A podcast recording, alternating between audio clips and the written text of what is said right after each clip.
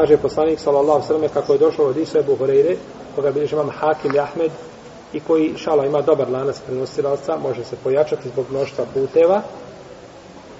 Kada od vas neko uze abdest i ode u džamiju, on je u namazu sve dok se ne vrati, pa neka ne radi svojim prstima ovako, potom je prepleo prste poslanik sallallahu alaihi wa sallam. No, međutim, imam Buharija u svome sahihu naslovio poglavlje tešpiku na sabija fil mesčidi pogajre. Prepletanje prsta u džami na drugom mjestu. Imamo hadis koji kaže da je to šta? Zabranjen činiti u džami. A imam Buharija naslovio poglavlje prepletanje prsta u džami. Šta ćemo sa imamom Buharijom? Da čuje kakav je hadis. Hoće da ukaže na da nije dozvoljeno. Da je. Bravo.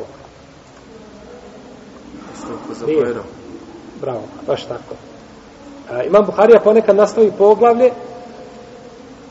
nastavi poglavlje pa navede nešto što ukazuje suprotno tome poglavlju. Kao što je rekao Frat za Bajram. Šta za Bajram? Ko zna? Reci. Namaz prije i posle. Namaz prije i posle Bajrama.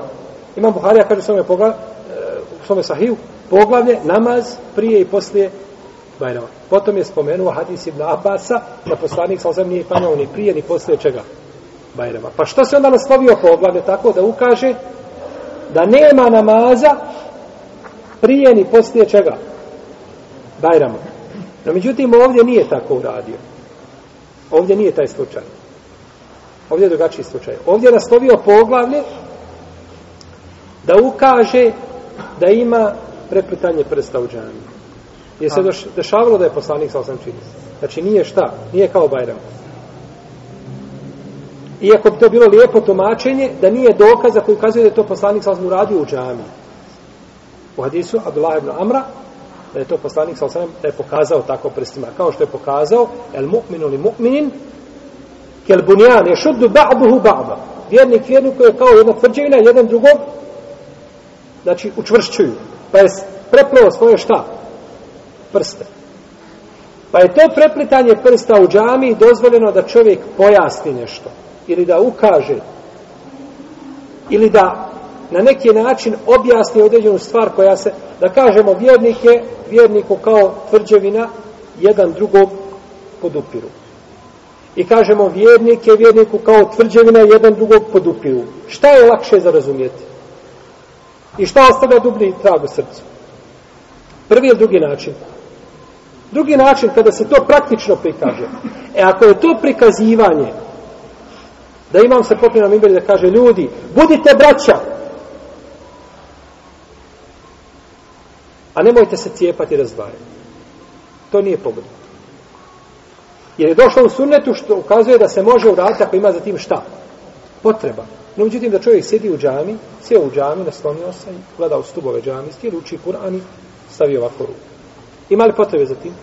Nikakve nema. E tada bi to bilo povrlo. Pa znači, treba uvijek spojiti šta? Spojiti hadisa. Najlakše ne je bilo da kažemo, ima, nije imam Buharija znao. Kao što danas kaže jedan, kaže u Buharinom sahihu ima tri stotine lažnih hadisa. Tri stotine lažnih hadisa u Buhari.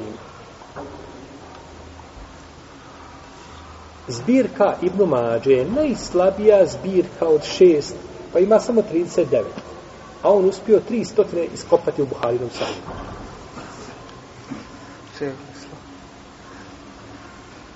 Pa je obaveza da šta da pomirimo? Kada je? Jer nije poslanik sa osvijem govorio, jedno je radio suprotno tome, osim radi razloga ili da ukaže da postoji u određenim momentima i iznimka tom šta? Tom propisu. Postoji iznimka tom propisu.